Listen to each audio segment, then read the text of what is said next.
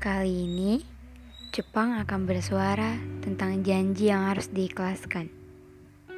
Apa kalian pernah dijanjikan sesuatu, namun pada akhirnya harus mengikhlaskan janji itu? Atau mungkin saja kau yang membuat seseorang harus mengikhlaskan sebuah janji.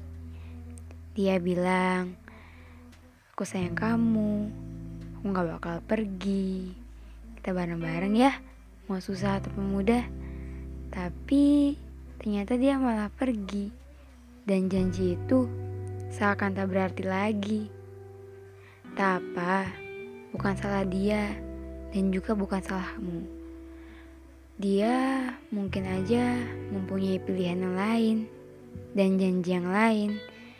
Dan kamu diberi kesempatan untuk mempunyai janji yang baru yang akan terlunaskan oleh seseorang yang lain. Jangan terlalu menyalahkan seseorang yang mengingkari sebuah janji. Mungkin aja dia mengingkari itu karena menurutnya dia bukanlah hal yang pantas untukmu. Mungkin juga dia menemukan yang lebih baik untuk dijanjikan. Bukannya bermaksud membuatmu merasa tak diinginkan, namun seseorang yang pantas untukmu sedang menunggu di depan sana. Hmm.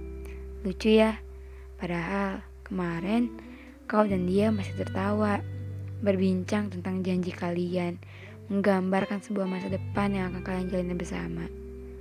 Tapi sekarang kau malah sedang mengikhlaskan itu.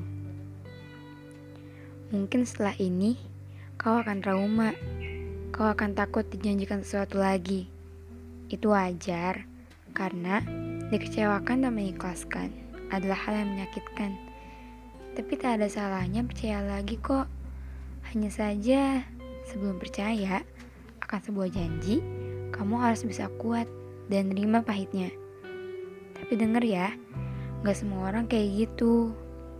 Akan ada atau mungkin sudah ada seseorang yang tidak akan mengingkari janjinya padamu. Hanya masalah waktu yang akan menunjukkan orang itu padamu. Jika bukan yang sekarang sedang bersamamu, mungkin nanti akan menemukanmu. Tolong ya, orang yang siap menjaga janjinya, jangan kamu sia-siakan.